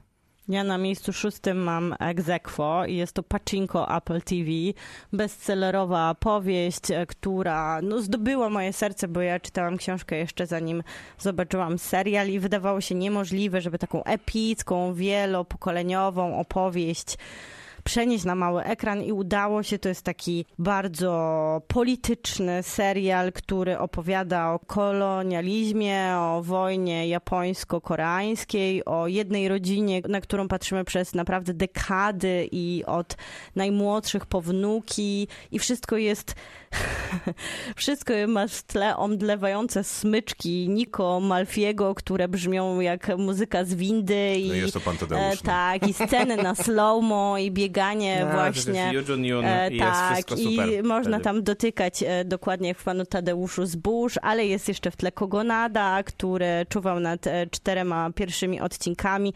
A co najważniejsze jest epicki melodramat, są emocje, są łzy i przepiękny finał, w którym zostały zaproszone koreańskie kobiety, które tą wojnę przeżyły w większości 90, 100 i ponad stuletnie, które opowiadają o tym, jak było. Ten moment, w którym one pojawiają się na ekranie, to jest moment po prostu, kiedy nie nadążałam ścierać łez z policzków. Przepiękny, epicki melodramat telewizyjny. Egzekwo jest Tokyo Vice i scena, w której chłopaki śpiewają Backstreet Boysów w samochodzie zostanie ze mną na dłużej. Wszystkie te kreacje aktorskie, które tam mamy, nawet od nieszczególnie lubianego przeze mnie Enzela Elgertona, któremu nie wierzę aktorsko, a tutaj jakoś świetnie się sprawdza w tej roli. I to... O, daj spokój. Zależy, gdzie byś chciała, żeby się sprawdzał. No, jest ja- jeszcze jego, jego towarzyszka i ona jest fantastyczna. I to Tokio, i ta zagadka kryminalna. Nie i ma tam zagadki, nie oszukujmy się. nie, zagadki nie ma i, I sznyt dlatego po prostu... ja się zgadzam bardziej z tym, co Krzysztof powiedział i dlatego tego serialu nie umieściłem w dziesiątce, natomiast Z kolei zgadzam się z tym, co Miłka powiedziała na temat e, rodu smoka. A, rodu smoka, I dlatego na miejscu szóstym u mnie ród smoka. Myślę, że Emma Darcy jest po prostu Królową. królową tego serialu i jest królową telewizji w tym zakresie, bo innej, innej postaci grającej akurat tę bohaterkę nie mógłbym wskazać. Kapitalnie dla mnie się to oglądało, a ja, że ja jestem, że tak powiem, nubem, jeśli chodzi o grę o tron, no to tym bardziej miło było wejść w ten świat. Na miejscu czw- w Piątym. piątym nie podobało mi się, bardzo mi się podobało. Byłem w głębokim szoku i pytałem, co tu się dzieje? I co to jest? To są Boysi. Uuu, na piątym. Sezon trzeci. Nie, no to jest no serial, proszę. Który Brawo. opisuje... Że Uczysz się, uczysz się. mam się. wrażenie, jakby się uczył. Zapomniałam, Serial nawet nie mam opisuje- go w, e, w honorowych wspominkach. A nie masz go nawet w kolorach. Zapomniałam o nim w No ogóle. właśnie tak się zdarza z tymi serialami, bo one mają dziwne daty produkcji. Ale naprawdę, na The Boys w trzecim sezonie pisze jedno wielkie what the... Bo Polecam sobie zapisywać albo oceniać filmy na Filmwebie i wtedy jest łatwiej. Nie bądź taki sprytny. Tam się dzieją rzeczy wręcz niewiarygodne i niesamowite. W sensie to jest przeginanie pały. Tak jak Titan y, jakby rozpychało granice kina, to ten serial przegina pałę. No momentami mówię, Literalnie. naprawdę. Nawet literalnie. Nawet literalnie. Ale jakby nigdy nie robią tego w durny sposób e, i to mnie strasznie cieszy. Bo nawet nie bardzo mnie już obchodzi ta historia. W sensie, że to jest o jakichś tam supermenach i innych tam superbohaterach. Kompletnie mam to w nosie. Naprawdę chciałbym zobaczyć, co jeszcze obrzydliwego zostanie tam zrobione, Czy bo jest to chciałbyś serial... na teorię superbohaterów, powiedzmy sobie szczerze. To prawda. To ja na piątym mam DBR, serial, który właśnie łączy mi się z moją dziesiątką filmową, bo tam przecież mamy Boiling Point, ale tutaj też znajdujemy trochę szefa Favreau, tak jak mówiliśmy w naszej recenzji, którą robiliśmy, tak się składa z samym Maćkiem, że to jest takie idealne połączenie pomiędzy spoconą, toksyczną, wygraną na emocjach, dziką kuchnią, a właśnie takim serialem Disneya, w którym jest dużo czułości, dużo oddechu, dużo takiego comfort food, dużo rodzinnych elementów, które wiadomo, bywają toksyczne i trudne, ale bywają też niezbędne i bardzo czułe. Jest to też prześmieszny serial. Jest to prześmieszny serial i jak jest dobrze napisany, to najważniejsze jak jest dobrze zagrany. Tu wszystko gra i mamy tego anioła i mamy tego demona, który siedzą na bokach bohatera, tą, tego, który niesie na sobie też e, tak naprawdę traumę. E, Mówi ten serial o uzależnieniu, mówi o obligacjach rodzinnych, których nie chcemy mieć, ale też mówi o gotowaniu, o presji i też mówi właśnie o czułości, o humorze i o jedzeniu. I nie ma tutaj w tej fetyszyzacji jedzenia, tej właśnie wielkiej kuchni, którą, o której zwykle opowiadają ogóle nie ma filmy czy jedzenia. To jest seriale. jedyny minus tego serialu. Jest go na tyle w tle i jak czasami tam ten e, kucharz podaje komuś do posmakowania trochę ziemniaczka, czy kurczaczka, czy jakieś tam kanapkę, ktoś się wgryza, czy jedzą razem te lody, to ja to kupuję. To mi to wystarczy w ten sposób opowiadanie o kuchni. Fantastyczny serial, który będzie miał swoją kontynuację. Chyba nikt się nie spodziewał, że Niedźwiedź tak po prostu poszarga rzeczywistością telewizji. Tu się wszystko udało. To jest też jazda bez trzymanki emocjonalna. To są bardzo intensywne doświadczenia, te odcinki, po których jesteśmy sfrustrowani, rozbawieni i niektórych bohaterów chcielibyśmy udusić. No tak, a niektórymi można byłoby pójść do łóżka. Ja na przykład bym chciał pójść do łóżka z panem, który się nazywa Jeremy Allen White, który dostał ostatnio nominację do Złotego Globu za ten serial, który też umieściłem na miejscu piątym. Jest to absolutnie największe chyba zaskoczenie serialowe, bo to też taki serial, który trochę pojawił się znikąd i nagle się okazało, że jest taki fenomenalny. No i nic nie było, e, nie było żadnego kłamstwa w tych e, głosach, które się pojawiły najpierw w Ameryce, a potem dopiero jak ten serial pojawił się w Polsce na Disneyu. Absolutnie idealnie skrojona rozrywka. Jak ta koszulka głównego bohatera. I po prostu ja jestem totalnie kupiony. Czekam też na drugi sezon. Myślę, że będzie jeszcze lepiej. I to była piątka. E, Czwórka, Biały Lotos sezon drugi. Wszystko, co nie podobało mi się w pierwszym, jest też w sezonie drugim i mi się podoba.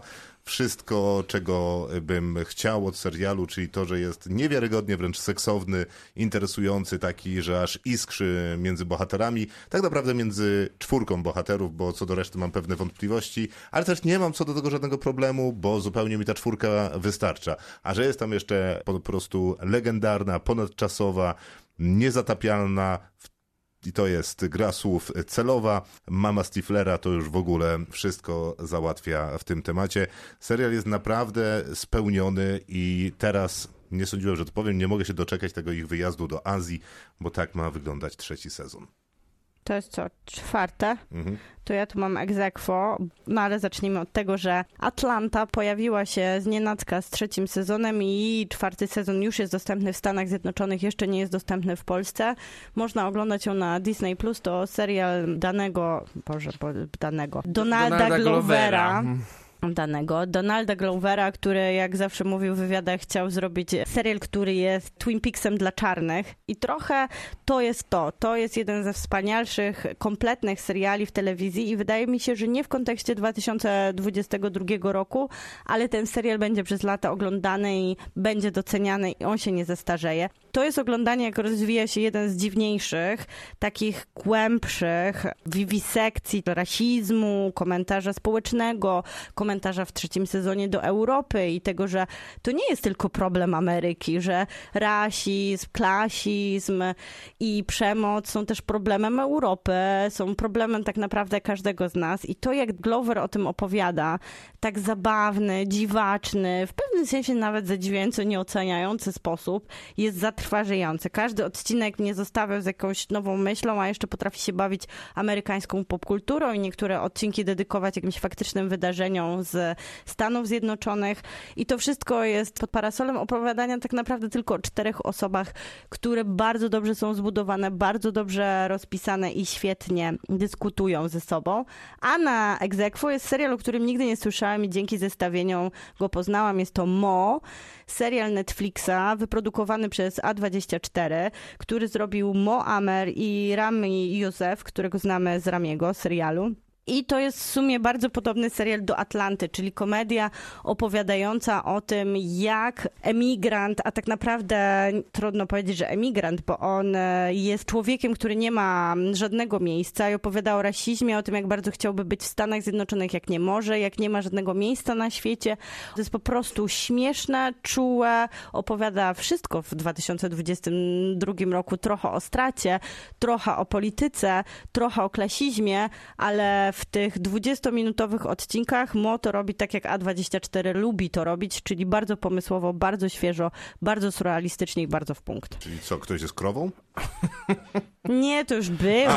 To na to by się nie zdecydowali. Maciej, co tam masz na Jako, że trzecim? u mnie nie było Mandaloriana, to na czwartym, czwartym, czwartym jeszcze, tak? sorry. Y, Jest Andor, serial, który pokazał, że rzeczywiście w uniwersum Gwiezdnych Wojen. Da się zrobić jeszcze coś kreatywnie, da się zrobić coś bardzo ciekawie, da się zrobić coś emocjonującego, e, a już e, sama końcówka tego pierwszego sezonu Andora, szczególnie trzy czy cztery ostatnie odcinki, kiedy pojawiamy się w e, takim bardzo specyficznym więzieniu przyszłości, jesteśmy, jest, e, jest niesamowita. Co to było? To jest moja reakcja na spoilery. A, Od dzisiaj. O, to to ciekawe nie to był ciekawy spoiler. No a poza tym bohaterowie na czele z Andorem, ale nie, nieko- niekoniecznie tylko z nim, są tutaj po prostu fantastycznie skonstruowani. To przypomina to przypomina to, w jaki sposób z y, taką radością pisał swoich pierwszych bohaterów George Lucas. Myślę, że on byłby naprawdę zachwycony tym, w jakim kierunku poszli, poszli, poszli tutaj scenarzyści. Chyba jeszcze może. A szczególnie Tony Gilroy, tak dokładnie, e, scenarzyści tego serialu, którzy stworzyli postaci naprawdę najlepsze w uniwersum. Ale też sobie pozwolili na to, bo po prostu mieli Tak. trochę więcej czasu niż to zwykle bywa w Gwiezdnych Wojnach. To jest miejsce Czwarte. trzecie. teraz dla A ciebie, ja u mnie było czwarte, trzecie. teraz trzecie. Tak, ale już moje miejsce trzecie. Jesteśmy po twoim czwartym, u mnie The Bear na trzecim. E, Hmm. To jest, był taki trochę no-brainer jednak, że The Bear będzie wysoko. Kocham gotować, absolutnie uwielbiam jeść, a to, co w The Bear gotują, to jest dokładnie to, co chciałbym je jeść i knajpy, do których chciałbym chodzić. Nie napuszczone białe stoły. Tylko dużo mięsa. No trudno z tym mięsem, ale w zasadzie u nich mięso też mógłbym jeść, bo wydaje mi się, że to jest mięso, które oni pozyskują z ciekawego miejsca, a z jakiegoś dobrego, odpowiedzialnego, ale jednocześnie też wydaje mi się, że ta opowieść o kuchni, która jest y, taką trochę straceńczą y, walką, że właśnie to mięso musisz załatwić u kolegi, który ma akurat dojście, że musisz to załatwiać prawie jak narkotyki, a w zasadzie kupujesz łopatkę wieprzową. Y, To, że ta kuchnia jest narkotyczna, że trudno się jej pozbyć, że jest taka pełna rywali- rywalizacji, adrenaliny, wysokich obrotów, a po to, żeby dać coś bardzo subtelnego, ciepłego i osobistego, co jest posiłkiem, przynajmniej w takim idealnym wyobrażeniu. Więc kuchnia bardzo doświadczonych, bardzo kompetentnych y, ludzi, którzy gotują bardzo proste rzeczy, to jest jednak y, kuchnia, która super mi po- odpowiada, a The Bear dokładnie o tym też mówi, o, o tym, że możemy robić tutaj niewiarygodną kuchnię na niewiarygodnym poświęceniu i adrenalinie, ale jednocześnie ostatecznie chodzi o małe puszki pomidorów, bo tak mówi rodzinny przepis. Ja na trzecim miejscu mam Andora i wszystko to, co Maciek powiedział, Tony Gilroy, ale chyba najważniejsze też, że jest dla mnie tu Bu Willemon, który odpowiadał za scenariusz i który przecież dał nam House of Cards, jeszcze przed tym jak House of Cards przestało Do być połowy drugiego modne. sezonu. I też e, on sam e, pracował wielokrotnie przy kampaniach wyborczych w Stanach Zjednoczonych prezydenckich, więc jest jakby Tak, też jest bardzo... współscenarzysta na przykład tak. Dokładnie, jest bardzo świadomy tego, jak polityka wygląda i taki właśnie świadomy jest Andor. Wydaje mi się, że po raz pierwszy mówi o poświęceniu dla rewolucji nie w takich wyprasowanych słowach, które wiecie, reprezentują po pierwsze takie patetyczne, puste deklaracje, po drugie zawsze mówią je osoby o krystalicznym i takim idealnym wręcz reprezentatywnym sznycie bohaterów i to zawsze wszystko jest takie mało autentyczne, a w końcu Andor sprawił, że chyba Gwiezdne Wojny stały się bardziej aktualne, że mogą Polityczne dotyczyć bardziej naszych czasów, że w końcu nie mówią o fantastycznych bohaterach i fantastycznych złych, a o systemie, o tej rewolucji, która kosztuje ludzi ich życia. Rewolucji, i... która się sama zwalcza. Tak, i która mówi też o toksycznych ludziach po każdej ze stron barykady, a tacy są przecież wszędzie i dobrze to wiemy, ale Gwiezdne Wojny opowiadały nam zwykle inną opowieść. Znowu nas zaprasza do galaktyki, która mnie podnieca, znowu kreuje świat, który mnie interesuje i po raz pierwszy od dawna Gwiezdne Wojny, oprócz Mandaloriana, który był z serca i był po prostu opowieścią o miłości, Andor jest opowieścią o raczej trudach galaktyki, o jej mrocznej stronie. No jest świetnie wygrane. Diego Luna jest moją miłością. To, ile on może zapisać w twarzy, to jest po prostu fantastyczny serial z świata, który wydawał, wydawało mi się, że już dawno się skończył. Moją Macie. miłością z kolei jest Agnieszka Żulewska i dla mnie wielka woda, dlatego ląduje na miejscu numer 3. I też dlatego to, wszystko, co, to, to, co powiedziałeś, oczywiście się zgadza. Jasne. A najważniejsze jest to, że generalnie Jan Holubek wywołał we Wrocławiu i pod Wrocławiem powódź rok temu i nikt tego nie zauważył i dopiero potem pokazał to w filmie i, jest, i pokazał to w serialu.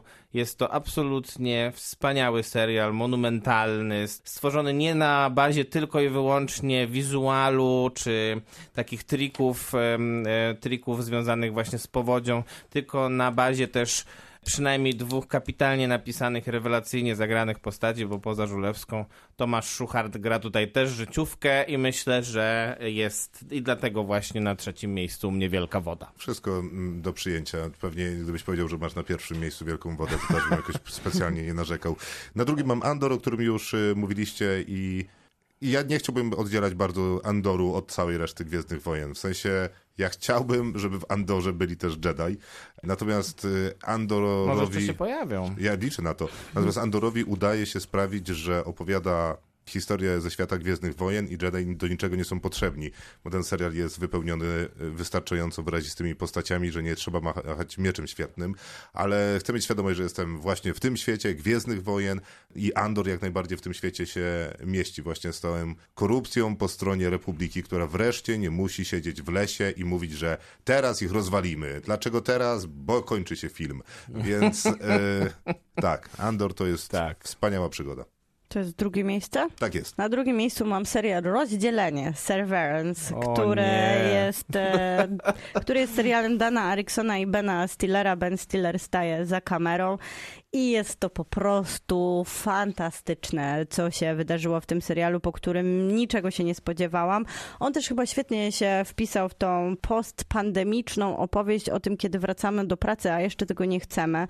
Kreowanie takiego science fiction, które skupia się na takich bardzo drobnych elementach, jak chodzenie po labiryncie białych korytarzy, ale też na podręczniku, który najpierw jest wyśmiany, a później jest czytany z pasją jako podręcznik przeprowadzenia przez życie, po takie sceny surrealistyczne, jak taniec na imprezie pracowniczej, wizualnie nagle odklejone od tej białości i jasności jarzeniówek. Z drugiej strony coś takiego dosłownego w koszmarze korporacyjnym, czyli to, co chcielibyśmy zapomnieć wracając do domu, często nienawidząc swojej pracy, takiej powtarzalnej, o której nikt nikomu nic nie może opowiedzieć, bo klika w klawiaturę i coś się dzieje na komputerze, ale nikt do końca nie wie, co to jest. I to rozdzielenie pomiędzy życiem a pomiędzy pracą jest takie pewnie wielokrotnie dosłowne dla ludzi, którzy żyją w takich, no myślę, że opresyjnych rzeczywistościach, gdzie tutaj ten, jak zwykle, taki thriller science fiction może być związany z opresją również i polityczną i z każdą opresją, którą sobie do tego wpiszemy. Wyśmianie tego hipsterskiego świata, który gdzieś obok żywi się tylko wodą i nieistniejącym jedzeniem na takich push party, gdzie właśnie później ta książka pojawia się w tej dopisanej rzeczywistości i jakiś pokój z kozami.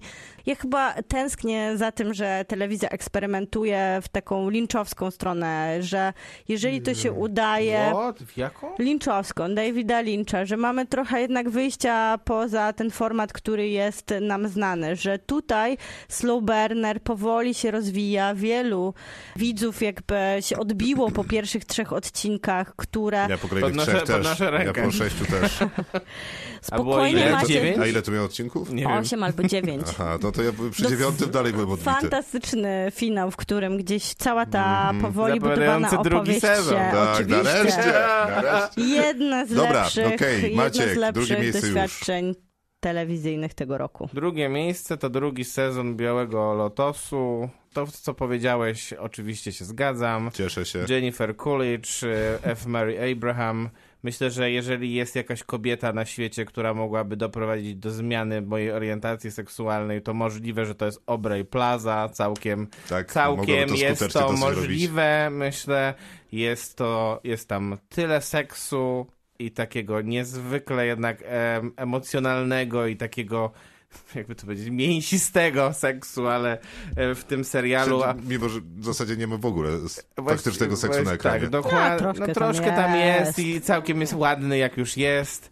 A poza tym, no, e, myślę, że trzeba mieć e, nieprawdopodobnie dużo e, tak jak ma Mike White, Mm. żeby, żeby w, tym, w, tym, w tych czasach z grupy przegiętych, pretensjonalnych, przeintelektualizowanych gejów stworzyć, e, s- stworzyć em, wilenów e, opowieści, więc naprawdę, naprawdę e, czapka z głowy. Tak, to prawda.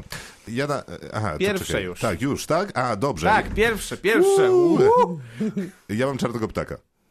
Ech, Y, A to obejrzałeś? w Tak ogóle? no myślałem. pewnie. To Jak nie masz go na dziesiątce ani we wspomnieniu, to No niedobrze. właśnie, no nie, nie, Nie, w wspomnieniu ma chyba. Nie, mamy w, tak, w tak zwanych honorowych wspominkach. No. Tak jest. Nie no, Czarny Ptak jest absolutnie spełnionym serialem. E, Rozumiem, e, że jakieś wątpliwości co do tego, że on prawdopodobnie nie przepycha telewizji do przodu. On opowiada historię, jest bardzo skupiony na tej historii, bardzo skupiony na swoich aktorach.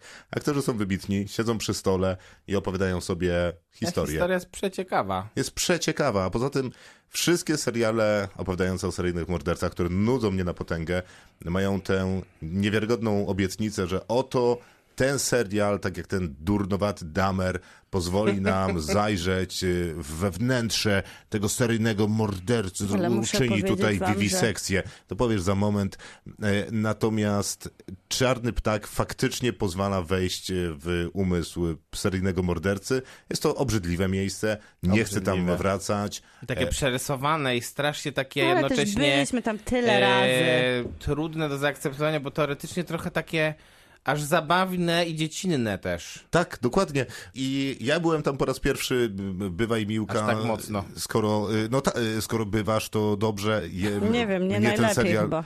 E, No to nie wiem, to twoje wybory. Mnie Nie, ten ja serial mówię nie zabrał. to nie są moje fantazje, tylko telewizja nas tam często zabiera. E, No okej, mnie też relatywnie rzadko, bo raczej nie oglądam tych seriali, bo ich unikam.